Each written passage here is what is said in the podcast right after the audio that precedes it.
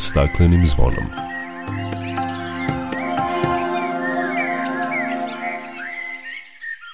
Dobar dan, dobrodošli na Zeleni talas prvog programa radija Radio Televizije Vojvodine. Ja sam Dragana Ratković. Nakon programa upravljanja otpadom u Republici Srbiji do 2031. godine, Ministarstvo za zaštitu životne sredine predstavilo je akcioni plan programa za period od 2022. do 2024. Govorit ćemo o naporima Rumske opštine da bude čistija i bez smeća, pa su sva sela u opštini dobila nove kontejnere – o prvom reciklažnom dvorištu u Sremskoj Mitrovici, kao i o prvim utiscima nakon postavljanja reciklažnih kontejnera za staklenu ambalažu u Novom Sadu. Svake godine baci se trećina proizvedene hrane. Čućete šta kažu istraživanja, ko najviše i šta baca kada je reč o otpadu od hrane u Beogradu, koji je zbog količine generisanog otpada u samom vrhu evropskih gradova. Biće reči i o novootkrivenoj vrsti slepog miša u Vojvodini, o ideji da se bizon vrati na Frušku goru, a predstavit ćemo vam i novi broj elektronskog magazina e-ekolista. Toliko u najavi emisije, o svemu opširnije nakon pozdravne pesme. Znaj vazduha više nema, sve manje je i ozona, protiv sebe ide čovek i to često bez pardona. uništenju živog sveta Kao da su ljudi skloni. Čovek sam je sebi meta Zbog njega ovo zvono zvoni Uništenju živog sveta Kao da su ljudi skloni. Čovek sam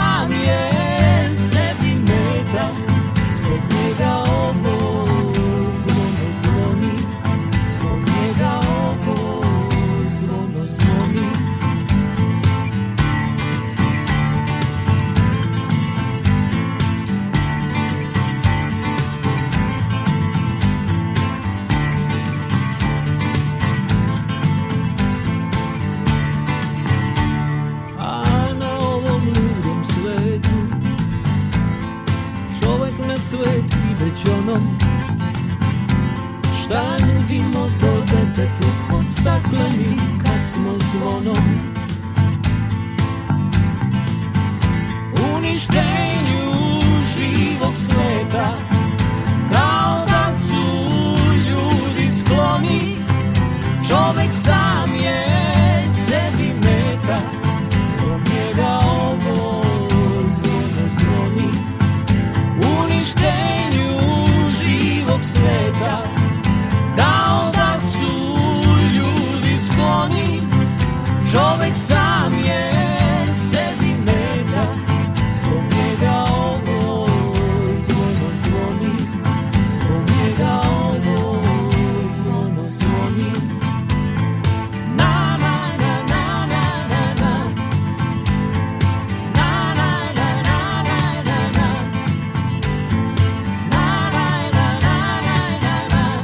Ministarstvo zaštite životne sredine u skladu sa odredbama člana 32 Zakona o planskom sistemu Republike Srbije javno je predstavilo akcioni plan programa upravljanja otpadom u Republici Srbiji za period od 2022. do 2024. godine za koji je planirano da bude usvojen do kraja aprila.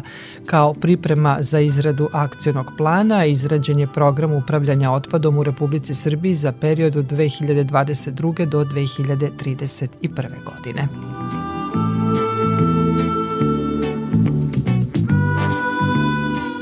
U opštini Ruma kažu da idu malim koracima u borbi za zaštitu životne sredine, pa su tako sva sela u toj opštini dobila nove kontejnere. Tome je prethodila odluka predsednice opštine Aleksandra Ćirić da se kažnjavaju svi koji rade protiv ekologije i očuvanja okruženja. Međutim, uz izgovor pojedinaca da nema dovoljan broj kontejnera za odlaganje smeća, odlučeno je da se ne kažnjavaju oni koji ugrožavaju životnu sredinu sve dok se ne obezbedi dovoljan broj kontejnera za svako selo u opštini. Sada su sva sela dobila nove kontejnere i izgovora za prljanje opštine više nema. Aleksandra Ćirić kaže da se ne može dozvoliti da većina građana trpi teror nesavesne manjine i da će novi kontejneri doprineti poboljšanju komunalne usluge odlaganja otpada i pozitivno uticati na čistoću i izgled opštine Ruma. Kako je najavljeno, lokalna samouprava će nastaviti da ulaže u ekologiju i podržat će javno preduzeće Komunalac i u narednom periodu, jer pravilno odlaganje otpada je ključno u borbi za čistiju, zdraviju i zeleniju Rumu. A Sremska Mitrovica dobila je prvo reciklažno dvorište u Srbiji. Za nula otpada u Sremskoj Mitrovici slogan je projekta prvog reciklažnog centra koji je realizovan u saradnji grada Sremska Mitrovica, javno-komunalnog preduzeća Komunalije, Naleda, Giza i ekološki odgovornih kompanija iz Sremske Mitrovice. Građani Sremske Mitrovice će sada moći potpuno besplatno da odlože otpad u namenski postavljene kontejnere i na taj način očuvaju svoju životnu sredinu. O tome Sanja Mitrović.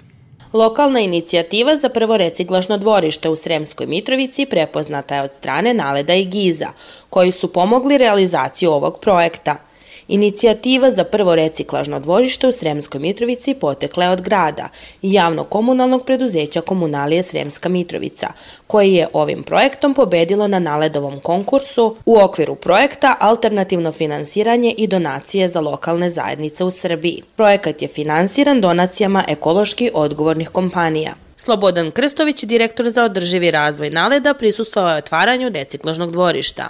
Prepoznali smo sjajnu ideju javnog komunalnog preduzeća iz Sremske Mitrovice i kroz našu platformu za donacije u saradnji sa Nemačkom razvojnom saradnjom i kompanijom British American Tobacco podržali izgradnju prvog reciklažnog dvorišta u Srbiji. Značaj je veliki kako edukativnog karaktera, tako i dajemo mogućnost građanima da svoj otpad e, koji ima vrednost, koji ne treba da završi na komunalnoj deponiji, upravo nađe svoje mesto u ovom reciklažnom dvorištu. Na taj način ćemo smanjiti pritisak i na deponije, olakšati poslovanje javno-komunalnom preduzeću. U osam jasno označenih kontejnera Građani Mitrovice moći će potpuno besplatno sobstvenim prevozom da dopreme kabasti otpad kao što je stari nameštaj, elektro i tekstilni otpad i time između ostalog sprečiti nastajanje malih divljih deponija, čime se približava sloganu i cilju projekta za nula otpada u Sremskoj Mitrovici. Tamara Milković, port parol javno-komunalnog preduzeća Komunalije Sremska Mitrovica, istakla je. Ovo je dan e, kada smo sve bliži našem cilju, cilju da naš grad bude grad sa nula otpada. Ovo je prvo reciklažno dvorište u našoj državi. Ovo dvorište će omogućiti našim sugrađanima da potpuno besplatno odlože svoj kabasti otpad koji je do sada završavao na malim divljim deponima. Završavao je u stambenim naseljima pored kontejnera ili su sugrađani morali da plate visoku cenu kako bi sav taj otpad bio odnešen na regionalnu deponiju. Sada potpuno besplatno svoje stari nameštaj, svoj zeleni otpad, svoj elektronski električni otpad, potom građevinski, neki od manjih radova, mogu da donesu kod nas i potpuno besplatno razvrstaju, a nakon toga, naravno, u ugovorima sa sekundarnim sakupljačima, onima kojima će to najviše koristiti, dalje taj otpad ide u reciklažu. Otpad koji se na ovaj način prikupi ići će u ponovnu reciklažu, a zeleni otpad koristit će se za pravljanje briketa, dok će šut biti korišćen za pokrivke na deponiji.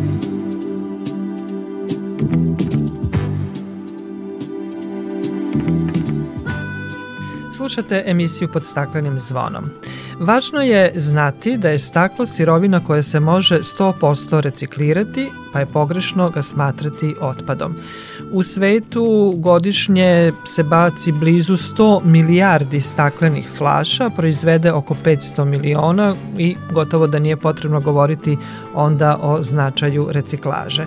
Zahvaljujući regionalnom projektu Nemačke organizacije za međunarodnu saradnju GIZ pod nazivom Upravljanje staklenom ambalažom na Zapadnom Balkanu sa ciljem da se prikupljene količine staklene ambalaže povećaju za najmanje 20%, sakupljanje stakla organizovano je u Beogradu, Nišu, Kragujevcu, Somboru i Varvarinu i u nekim gradovima Bosne i Hercegovine i Severne Makedonije, a odnedavno organizovano sakupljanje stakla je i u Novom Sadu koji je dobio 50 reciklažnih kontejnera za staklenu ambalažu. Kako se realizuje ovaj projekat čućemo od Daniele Jankov koja je zadužena za odnose s javnošću u javnom preduzeću Čistoća u Novom Sadu. Daniela, dobar dan i dobrodošli na Talasa Radio Novog Sada.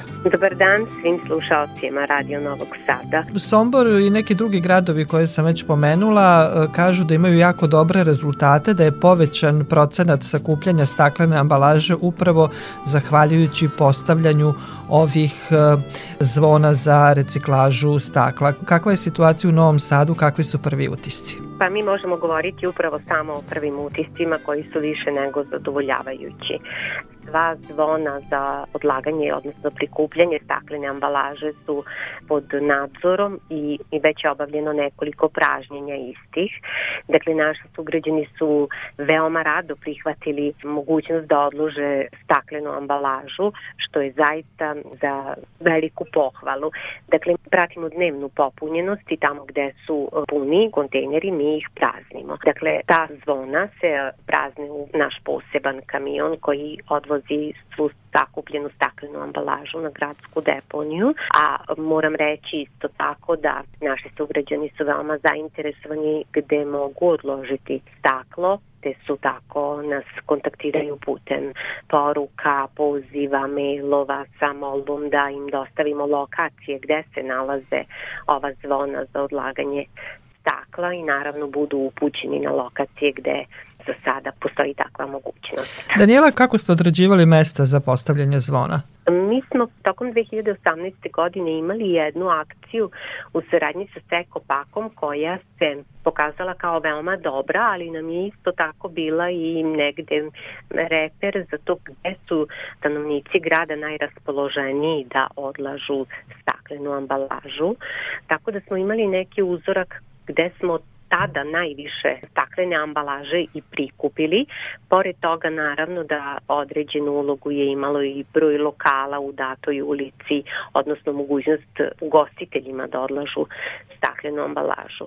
Eto, to su bili negde neki parametri kojima smo se vodili. Naravno, kao što ste već i najavili, Giz je najavio da postoji mogućnost da se do kraja godine proširi ovaj projekat, tako da ćemo moći i u drugim delovima grada i u prigradskim naseljima postaviti identična zvona za prikupljanje staklene ambalaže. Za sada je to ovih 50 lokacija. Isto tako, ono što je važno da napomenem da je sada proleće, negde sređujemo naše tavane, podrume i slično i tada se uglavnom rešavamo onih starih tegli, flaša koje nam je bilo žao da bacimo zato što nismo znali šta bismo sa tim, jel tako? E, to je prilika da sve to eto mogu doneti u ta zvona i odložiti kako bi dalje otišlo na pa bilo neka nova tegla, nova flaša e, i tako beskonačno. Da, to je možemo reći prvi korak ka uvođenju primarne separacije kao i korak ka čistijem Novom Sadu. Građani uz račun informatike dobili su flyer u vezi sa odlaganjem stakla, na tom flyeru su i uputstva šta se sve može ubaciti u kontejner za staklenu ambalažu. Tako je, svi naši građani dobili su uz račun objedinjene naplate tačno uputstva. Ono što je važno možda i ovom prilikom da napomenemo jeste da taj ambalažni otpad bude bez čepova, odnosno poklopaca, dakle tegle bez poklopaca i flaše bez čepova. Ali i uputstvo šta se ne može baciti u kontejner za staklenu ambalažu? Pa recimo to su stakla prozorska i slično, dakle nešto neko lomljeno staklo, dakle to nije poželjno. Pre svega je akcenat na prikupljanju staklene ambalaže, dakle flaše, tegle su pre svega naš cilj. Dakle, eto i Novi Sad se pridružio Beogradu, Nišu, Kragujevcu, Somboru i Varvarinu i krenuo je sa sakupljanjem staklene ambalaže. Prvih 50 kontejnera za staklenu ambalažu je postavljeno, a do kraja godine očekujemo još kontejnera kako bi bile pokrivene sve lokacije i prigradska mesta. Realizatori ovog projekta su najavili da postoji mogućnost da se to desi, a mi se toplo nadamo da će se to zaista i desiti, jer novosađeni su uvek raspoloženi da se odazovu svakoj prilici da sortiraju otpad, dakle imaju mogućnost u širem centru grada još od 2016. godine da posebno izdvajaju ambalažni otpad u posebno za to namenjene kontejnere. Sada imamo mogućnost da se selektuje staklo, a ponovo je to na jednoj ograničenoj teritoriji na dosta lokacija, a mi se nadamo da će se oba ta projekta u toku ove godine proširiti, pošto da bi se to dogodilo mora da postoji još niz preduslova koji moraju biti ispunjeni, a eto mi radimo u tom cilju i nadamo se da ćemo godinu završiti sa daleko e, boljom ponudom, odnosno mogućnostima gde građani mogu razvrstavati različite vrste otpada. I da, da ćemo e, sigurno sakupiti veće količine, ajde da kažemo, sirovina koje se mogu dalje reciklirati i na taj način zaštititi i životnu sredinu, a mi da postanemo malo odgovorniji i svesniji koliko nam e, znači zdrava životna sredina. Daniela, hvala vam lepo za razgovor i učešću u programu Radio Novog Sada. Hvala i vama. A mi još samo da dodamo da, evo možda nije zgorek spomenuti, da reciklažom jedne tone stakla se uštedi 30 tona nafte, smanjuje se količina otpada, samim tim i troškovi skladištenja otpada i rada deponije, smanjuje se količina prirodnih sirovina za proizvodnju stakla i to je dovoljan razlog da se odgovornije ponašamo prema životnoj sredini. When you were young and your heart was an open book You used to say, live and let live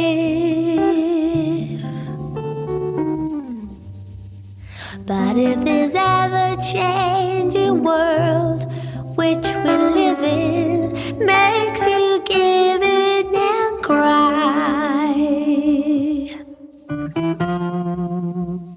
Say, live and let die.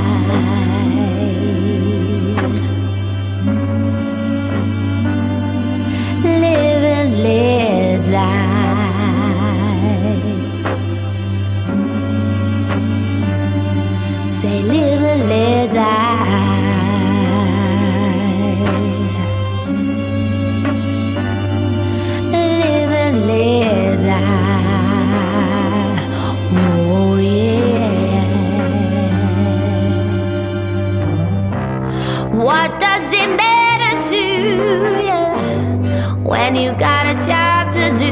You gotta do it. You gotta give the other fellow hell.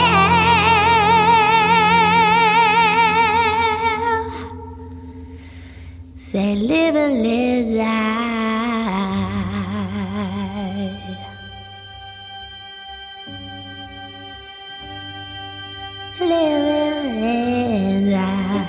Oh, yeah.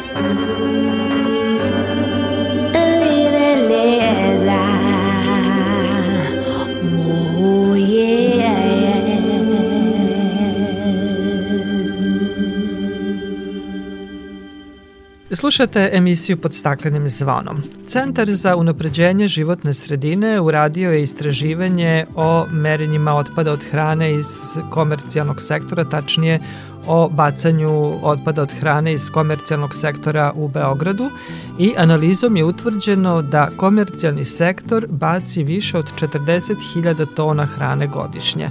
Podsećamo, centar je u novembru predstavio rezultate istraživanja o otpadu od hrane iz domaćinstva. O rezultatima dosadašnjih istraživanja kada je otpad od hrane u pitanju razgovaram sa Vladanom Šćekićem iz Centra za unapređenje životne sredine. Vladane, dobrodošli na talase Radio Novog Sada. Dobar dan i hvala vam na pozivu. Svake godine baci se jedna trećina proizvedene hrane, ova hrana ili ne stigne do tanjire ili završi na deponiji, drugim rečima bacamo tri puta više hrane nego što je potrebno da nahranimo sve gladne u svetu, a ako uzmemo u obzir koje su sve posledice bacanja hrane da time ubrzavamo i klimatske promene i prekomerno trošimo resurse i vodne i zemljište i stvaraju se količine otpada i na deponijama, zaista bi trebalo da se zabrinemo zbog toga i da, nešto preduzmemo. Kakvi su rezultati vaših dosadašnjih istraživanja? Centar je predstavio rezultate istraživanja otpadu hrane iz domaćinstva, pa da se podsjetimo samo kratko koliko hrane bacamo. Tako je, kada pričamo o domaćinstvima, ono što smo dobili na osnovu direktnih merenja, dakle ovo je prvi put koje je rađeno istraživanje direktnih merenja, znači merili smo otpad u 100 domaćinstava i zaključili smo da se e, godišnje po glavi stanovnika u gradu Beogradu baci 108 kg hrane. To smešta Beogradu u sam vrh gradova po bacanju hrane, što mislimo da je prilično alarmantna informacija. Ako to prevedemo na kompletan otpad od hrane koji nastaje na godišnjem nivou, to je negde oko 166.000 tona. Sa druge strane, kada pričamo o komercijalnim objektima, isto smo radili direktna merenja i posmatrano je ukupno 29 objekata koji su reprezentativni i svrstavaju se u komercijalni sektor i tu smo zaključili da se nekih 40.000 tona hrane baci, što je negde oko 25 kg po glavi stanovnika. Dakle, ako saberemo te dve cifre, dobit ćemo da svako od nas, bez obzira na uzrast, baci oko 134 kg hrane, što jeste ili što ne ili ostataka. Dakle, zaista frapantni podaci. Dakle, kad govorimo o komercijalnom sektoru, uglavnom mislimo na restorane, objekte brze hrane, prodavnice, škole, vrtiće. Ko najviše baca uh, otpad od hrane? Pa prirodno je zaključiti tamo gde se najviše proizvodi hrana, tu se najviše i baca i tu spadaju naravno restorani i objekti brze hrane, oni imaju gotovo polovinu ukupnog učešća negde oko 21.000 tona. Nakon toga slede nespecializovane i specializovane prodavnice, tu su škole i vrtići, hoteli i drugi smeštaj i izbjegno posmatrano svi preostali objekti poput e, kantina, bolnica i drugih e, objekata koji spadaju, na primjer, pod javne ustanove ili su to još pijace, tako da zaista velika količina otpada pre svega dolazi iz restorana, a ostali naravno popravljaju tu negativnu sliku, možete se reći. A šta se najčešće i najviše baca? Najčešće bacamo uh, ono što u principu najčešće koristimo, a to su povrće i voće. Dakle, povrće predstavlja negde oko 45% ukupnog uh, otpada od hrane, dok ga prati voće sa gotovo 19%. Uh, ono što je zanimljivo je da recimo u okviru grupe škole i vrtići povrće predstavlja čak 62% ukupnog otpada. Naravno mi znamo da deca ne vole baš povrće, ali ovaj, to znači da bi trebalo da se prilagodi malo bolje planiranje u okviru ove grupe.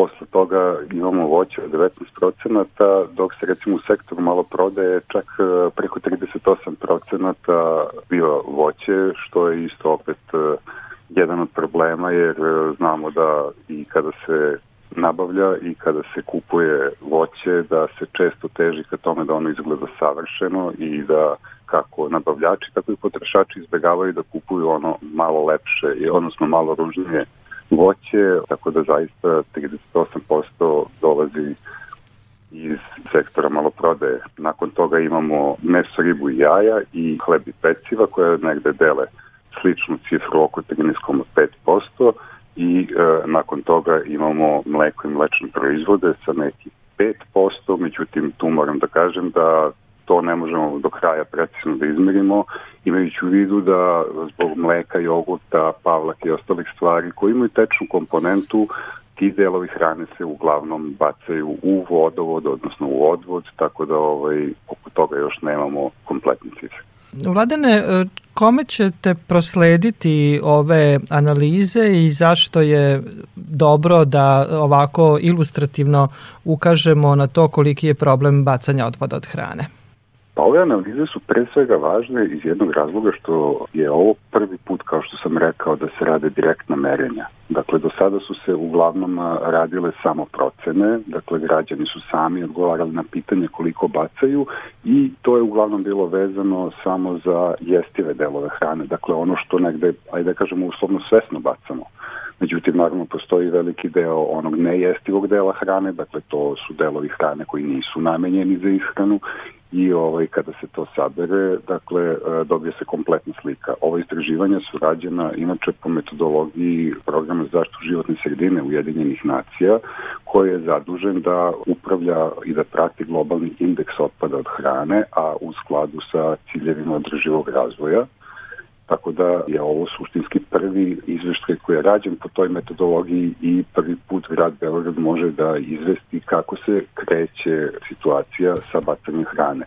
Naravno, ovo nisu konačne informacije, sve se to menja i zbog toga je važno da se prati, ali poenta cele priče jeste da mi sada imamo neki polazni nivo od koga ćemo dalje moći da pratimo. Prosto kako se ta situacija menja i shodno tome da se prilagođavaju mere kako bi se bacanje hrane smanjilo, kako bi se unapredila infrastruktura za upravljanje otpadom od hrane i kako bi se ta hrana e, na kraju i koristila kao deo cirkularne ekonomije gde bi nutrijenti mogli da se vraćaju u zemlju kroz kompostiranje ili da se koriste kao hrana za stoku ili da se koriste za proizvodnju energije.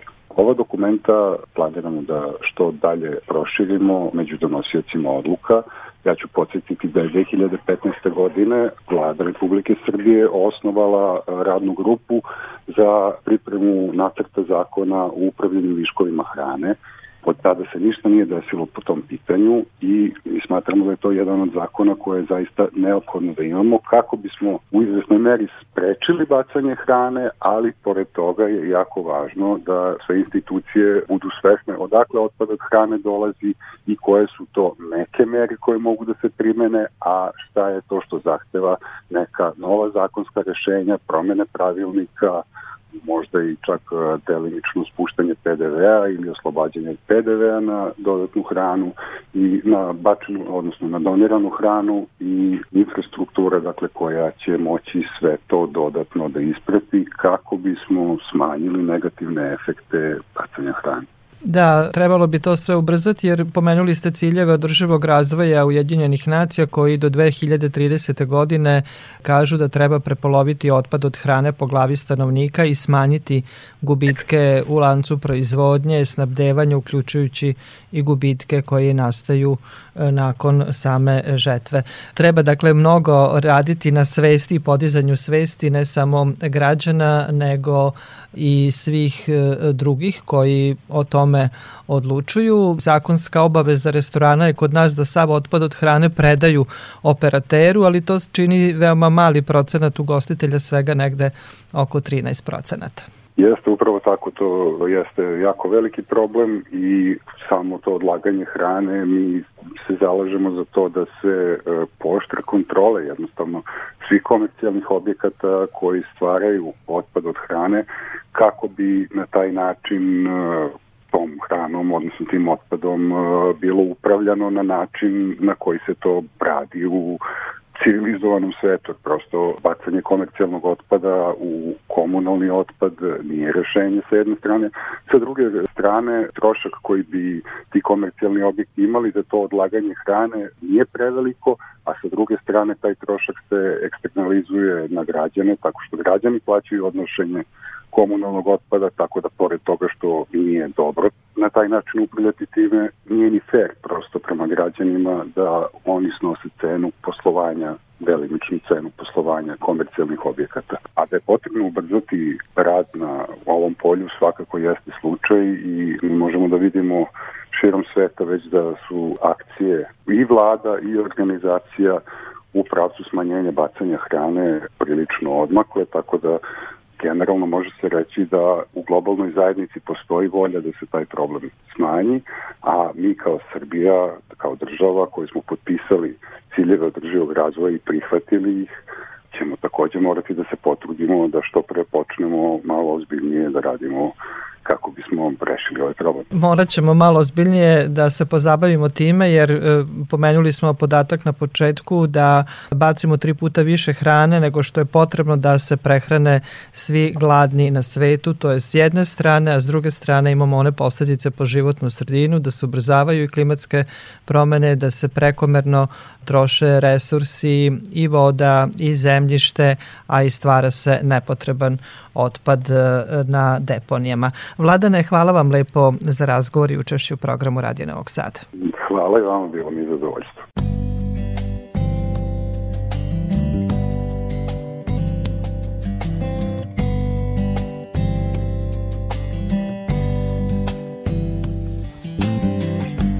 None of my business, getting all of my concern. Tried to put out the fire, but the flames do burn. As she pleases, she comes and goes, she's got the wind in her hair. She never ceases to help me so. Does she really care? Is she ever coming home? Is she ever gonna fall? Another night alone. Has anybody seen my girl? Anybody seen my woman?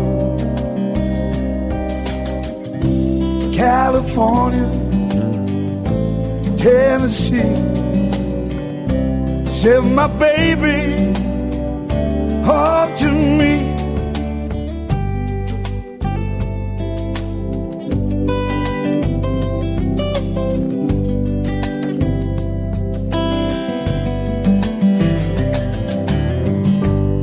Where am I going? Oh, what am I to do? I know I'm not crazy, I'm just hooked on you. So go on and use me endlessly. Could you let me know when you need me? Hold me close and baby, don't let go. Are you ever coming home? Are you ever gonna fall? Another night alone. Has anybody seen my girl? Has anybody seen my woman? California, Tennessee. Said my baby, hard to me. Anybody seen my girl? Anybody see my woman? California, Tennessee. Tell my baby back home to me. Anybody seen my girl?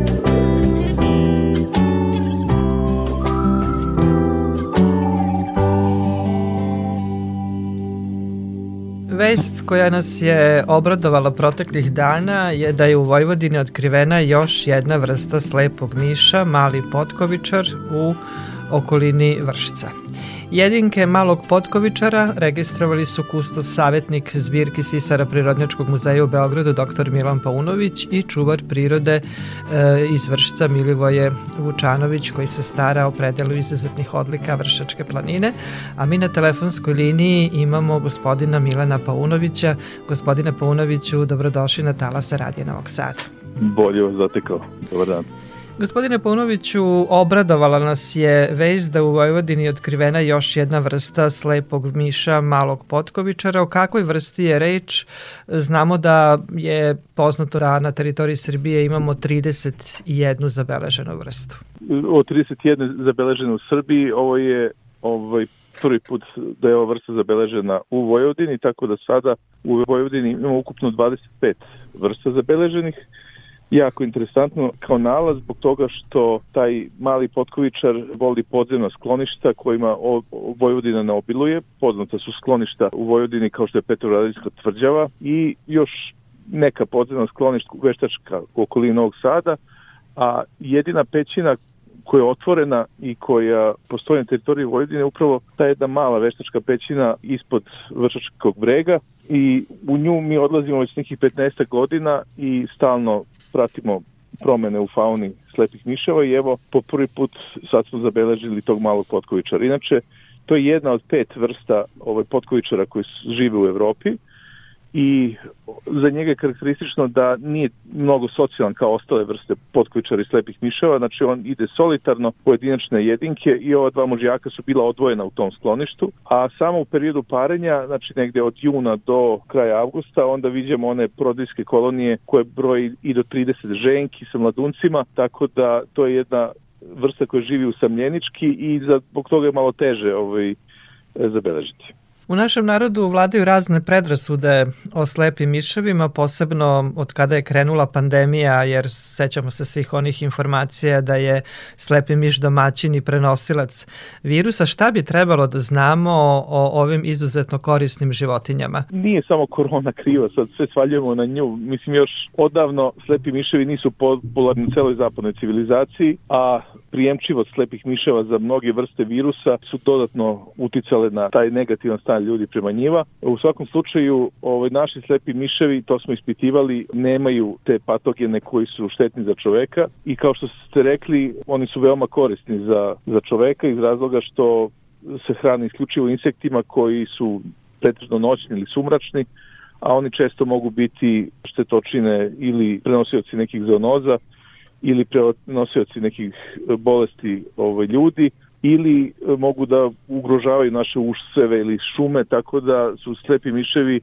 praktično prirodni insekticidi, mi ih tako zovemo u Prinjačkom muzeju, organski insekticidi koji smanjuju broj insekata i zbog toga su oni jako značajni s jedne strane, a s druge strane ovi koji žive po pećinama, oni e, udahnjuju praktično život u te pećinske ekosisteme, jer unose organsku materiju. Znate, oni se hrane van pećine, a spavaju u pećini i tu izlučuju svoje otpadne materije koje služe opet za ishranu nekih organizama koji su jako redki i endemični, pogotovo na našem području na Balkanskom polostrovu i zbog toga su oni jako važni za život u tim podzemnim ekosistemima ali mnogi se plaše susreta sa slepim miševima, da će vam se uplesti u kosu ili nešto slično. Jeste, za slepe miševe vezane su mnoge sujeverice. Mi u Privinječkom muzeju pokušavamo evo već decenijama da govorimo naučnu istinu o slepim miševima, to je da sve to što se priča o njima ne važi. Proveravali smo to, držali smo ih kod kuće, kažu kad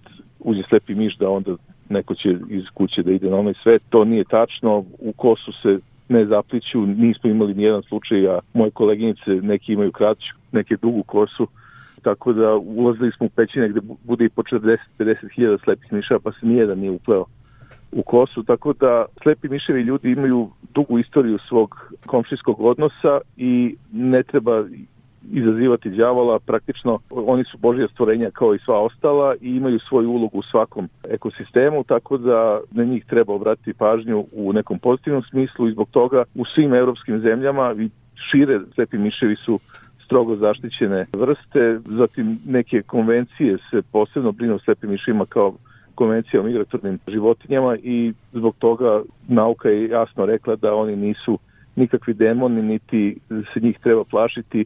Često ljudi kažu da su ljigavi, stvarno nisu. Mislim, mi u Priničkom muzeju imamo godišnje jednu manifestaciju gde približavamo slepe miševe ljudima i ljude slepim miševima, tako da u tom direktnom kontaktu mnoge te zablude su razbijene i javljaju nam gde koji slepi miš, e, ako je neko našao nekog povređenog ili tako dalje, tako da pokazuju neku vrstu empatije i smatramo da je to do tog nekog da kažem, približavanja ipak došlo i da smo mi tome to nekle pomoglo. Rekli ste da su slepi miševi strogo zaštićene vrste. Mali savet kako da se ponašamo ako nam slučajno znamo, pomenuli ste period parenja slepih miševa i da. tokom leta kada imamo otvorene prozore, vrlo često e, desi se da uđu u stan ili kuću. Kako se ponašati tom prilikom? Da, to je česta situacija negde od juna meseca pa sve do, do, do oktobra svake godine nas često ljudi zovu i sad već znaju kome da se obrate i mi vrlo rado dajemo savete.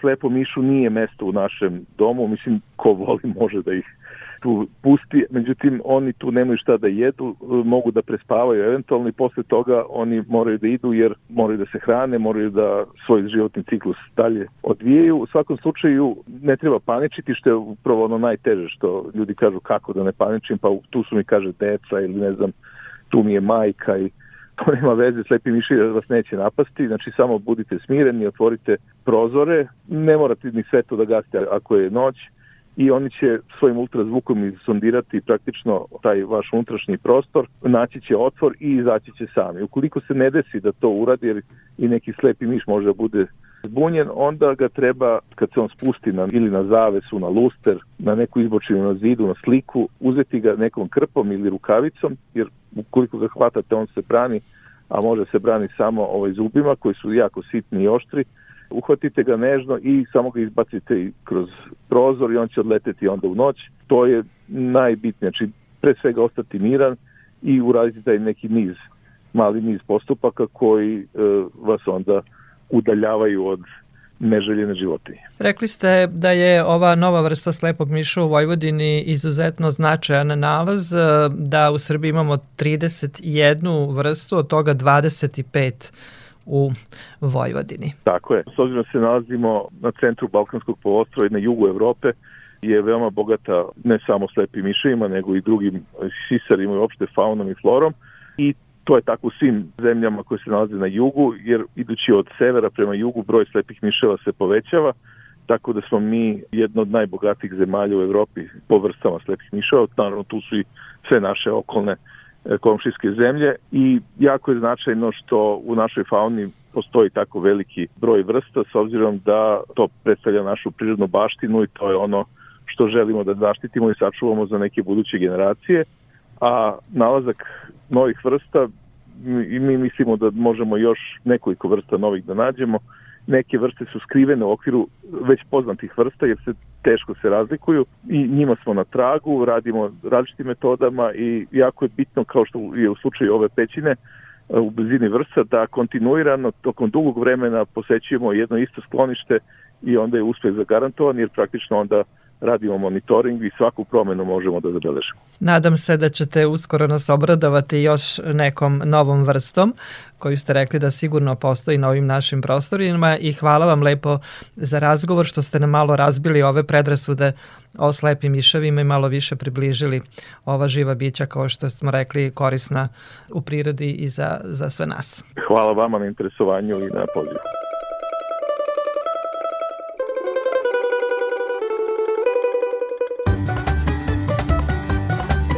Bila je ostrvo Panonskog mora, a sad je planina u kraju ravno. Ta lepotica za kojom mnogi uzdišu još odavno. Milion godina kako joj Dunav, golica vrbe i manima. Onomac su me zvali za kuma, ljube se noćima i danima. U Fruškoj gori sam našao mir, Za svakog od nas tu mesta ima. Komadić sunca i plavog neba. I kad je leto i kad je zima. I staza zdravlja i staza srca. Kroz Frušku goru čoveka vodi. Da nađe drvo svog života. I da se ponovo ko čovek rodi. Jedna monahinja tu iz jazma Reče mi da je ta gora zlata nije mislila na zlato Već na blago od Boga dato Ne mogu metrom da se mere Stari hrastovi i ljubičice Ne mogu ničim da se kupe Mesta gde jelen ogleda lice. U Fruškoj gori sam našao mir Za svakog od nas tu mesta ima. Komadi sunca i I kad je leto, i kad je zima I staza zdravlja i staza srca Kroz Frušku goru čoveka vodi Da nađe drvo svog života I da se ponovo ko čovek rodi. Jednom sam pitao orla krstaša Što stalno kružiš iznad srema A on mi kaže da lepšeg parka Od Fruške gore na svetu nema Zato u Karlovcima pije vino U ledincima šarane peca Siriškog venca brojim zvezde I samo dobrih stvari se sećam. U Fruškoj gori sam našao mir Za svakog od nas tu mesta ima. Komadić sunca i plavog neba I kad je leto i kad je zima I staza zdravlja i staza srca Kroz Frušku goru čoveka vodi Da nađe drvo svog života I da se ponovo ko čovek rodi Slušate emisiju pod staklenim zvonom. Nakon reintrodukcije evropskog jelena i introdukcije muflona u Nacionalni park Fruška Gora stigli su i evropski bizoni, životinje koje su do sada bile potpuno zaboravljene na ovom području. Smatra se da je poslednji bizon u našoj zemlji odstreljen pre više od 200 godina. Jedan mužjak i četiri ženke, poreklom iz Poljske, već žive u svom novom domu na Fruškoj gori. O ideji da se bizon vrati na Frušku goru i kada će posetioci moći da ih vide, govori šef čuvarske službe u javnom preduzeću Nacionalni park Fruška gora, Dragan Vidović. Ideja je protekla pre nešto više od pet godina, kada su nas posetili stručnjaci iz, iz Poljske, iz Španije i kroz razgovor kada smo utvrdili da su bizoni pre 200 mhm. godina već bili na prostorima Fruške gore.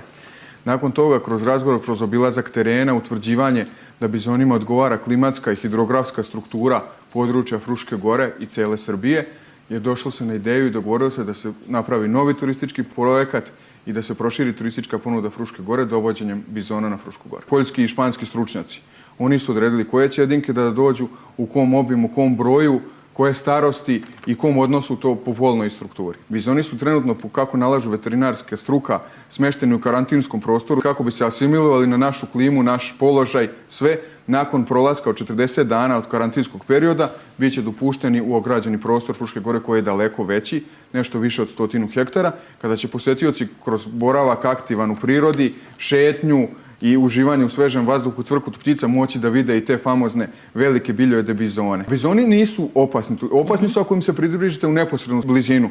Treba se drži određena distanca, neki 30 do 50 metara od bizona, to jest od te ograde. Imaju sličnu narav kao domaće krave i goveda, tako da su na neki način miroljubivi, ali ne treba ih uznemiravati, naravno i dirati. Ipak se radi o divljim životinjama. Kada ih posmatrate iz neke udaljenosti i određene distance, možete uživati u pogledu, oni će ispozirati i moći ćete napraviti zanimljive kadrove i fotografije s njima.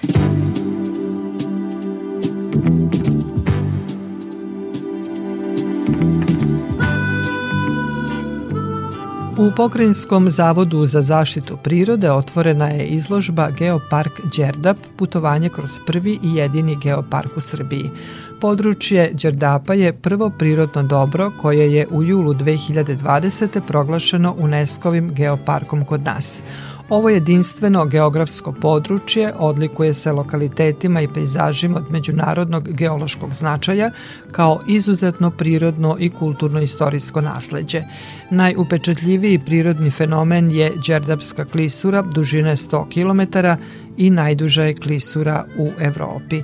Foto izložbu prati i brošura putovanje kroz prvi jedini geopark u Srbiji koja predstavlja javnosti vrednosti geoparka i potencijale za održivi ekonomski razvoj koji geopark daje lokalnoj zajednici.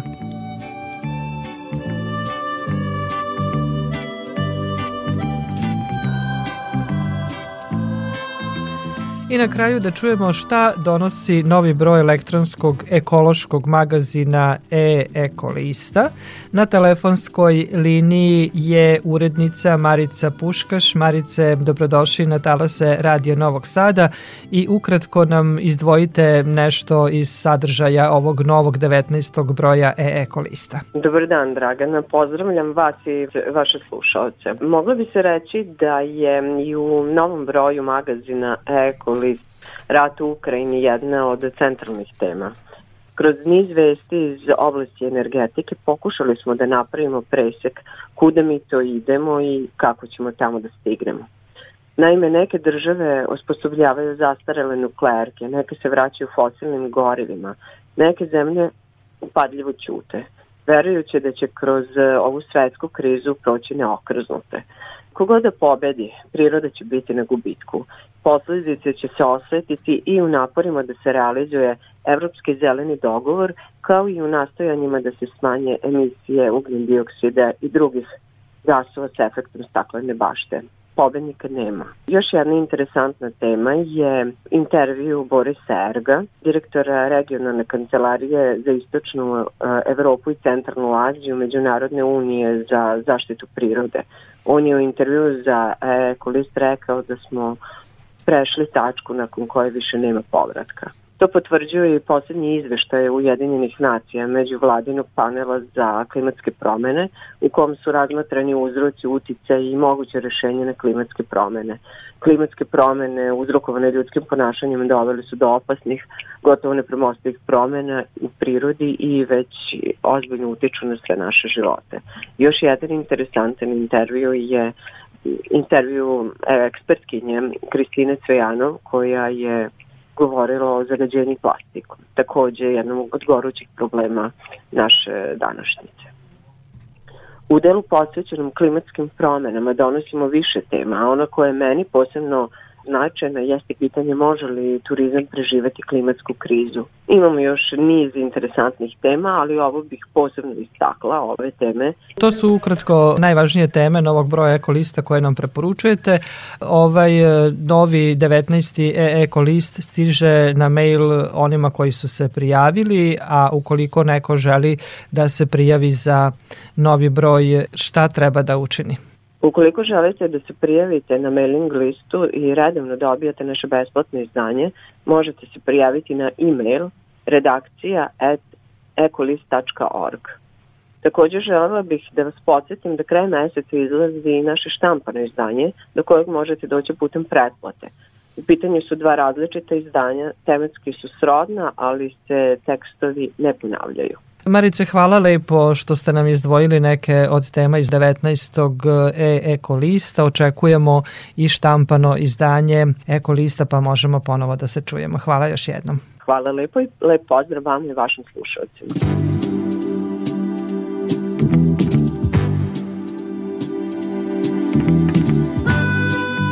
Toliko za ovo izdanje emisije pod staklenim zvonom koju možete slušati i odloženo na podcastu Radio Televizije Vojvodine na adresi rtv.rs. Na pažnji vam zahvaljuju Sabina Nedić, Zoran Gajinov i Dragana Ratković.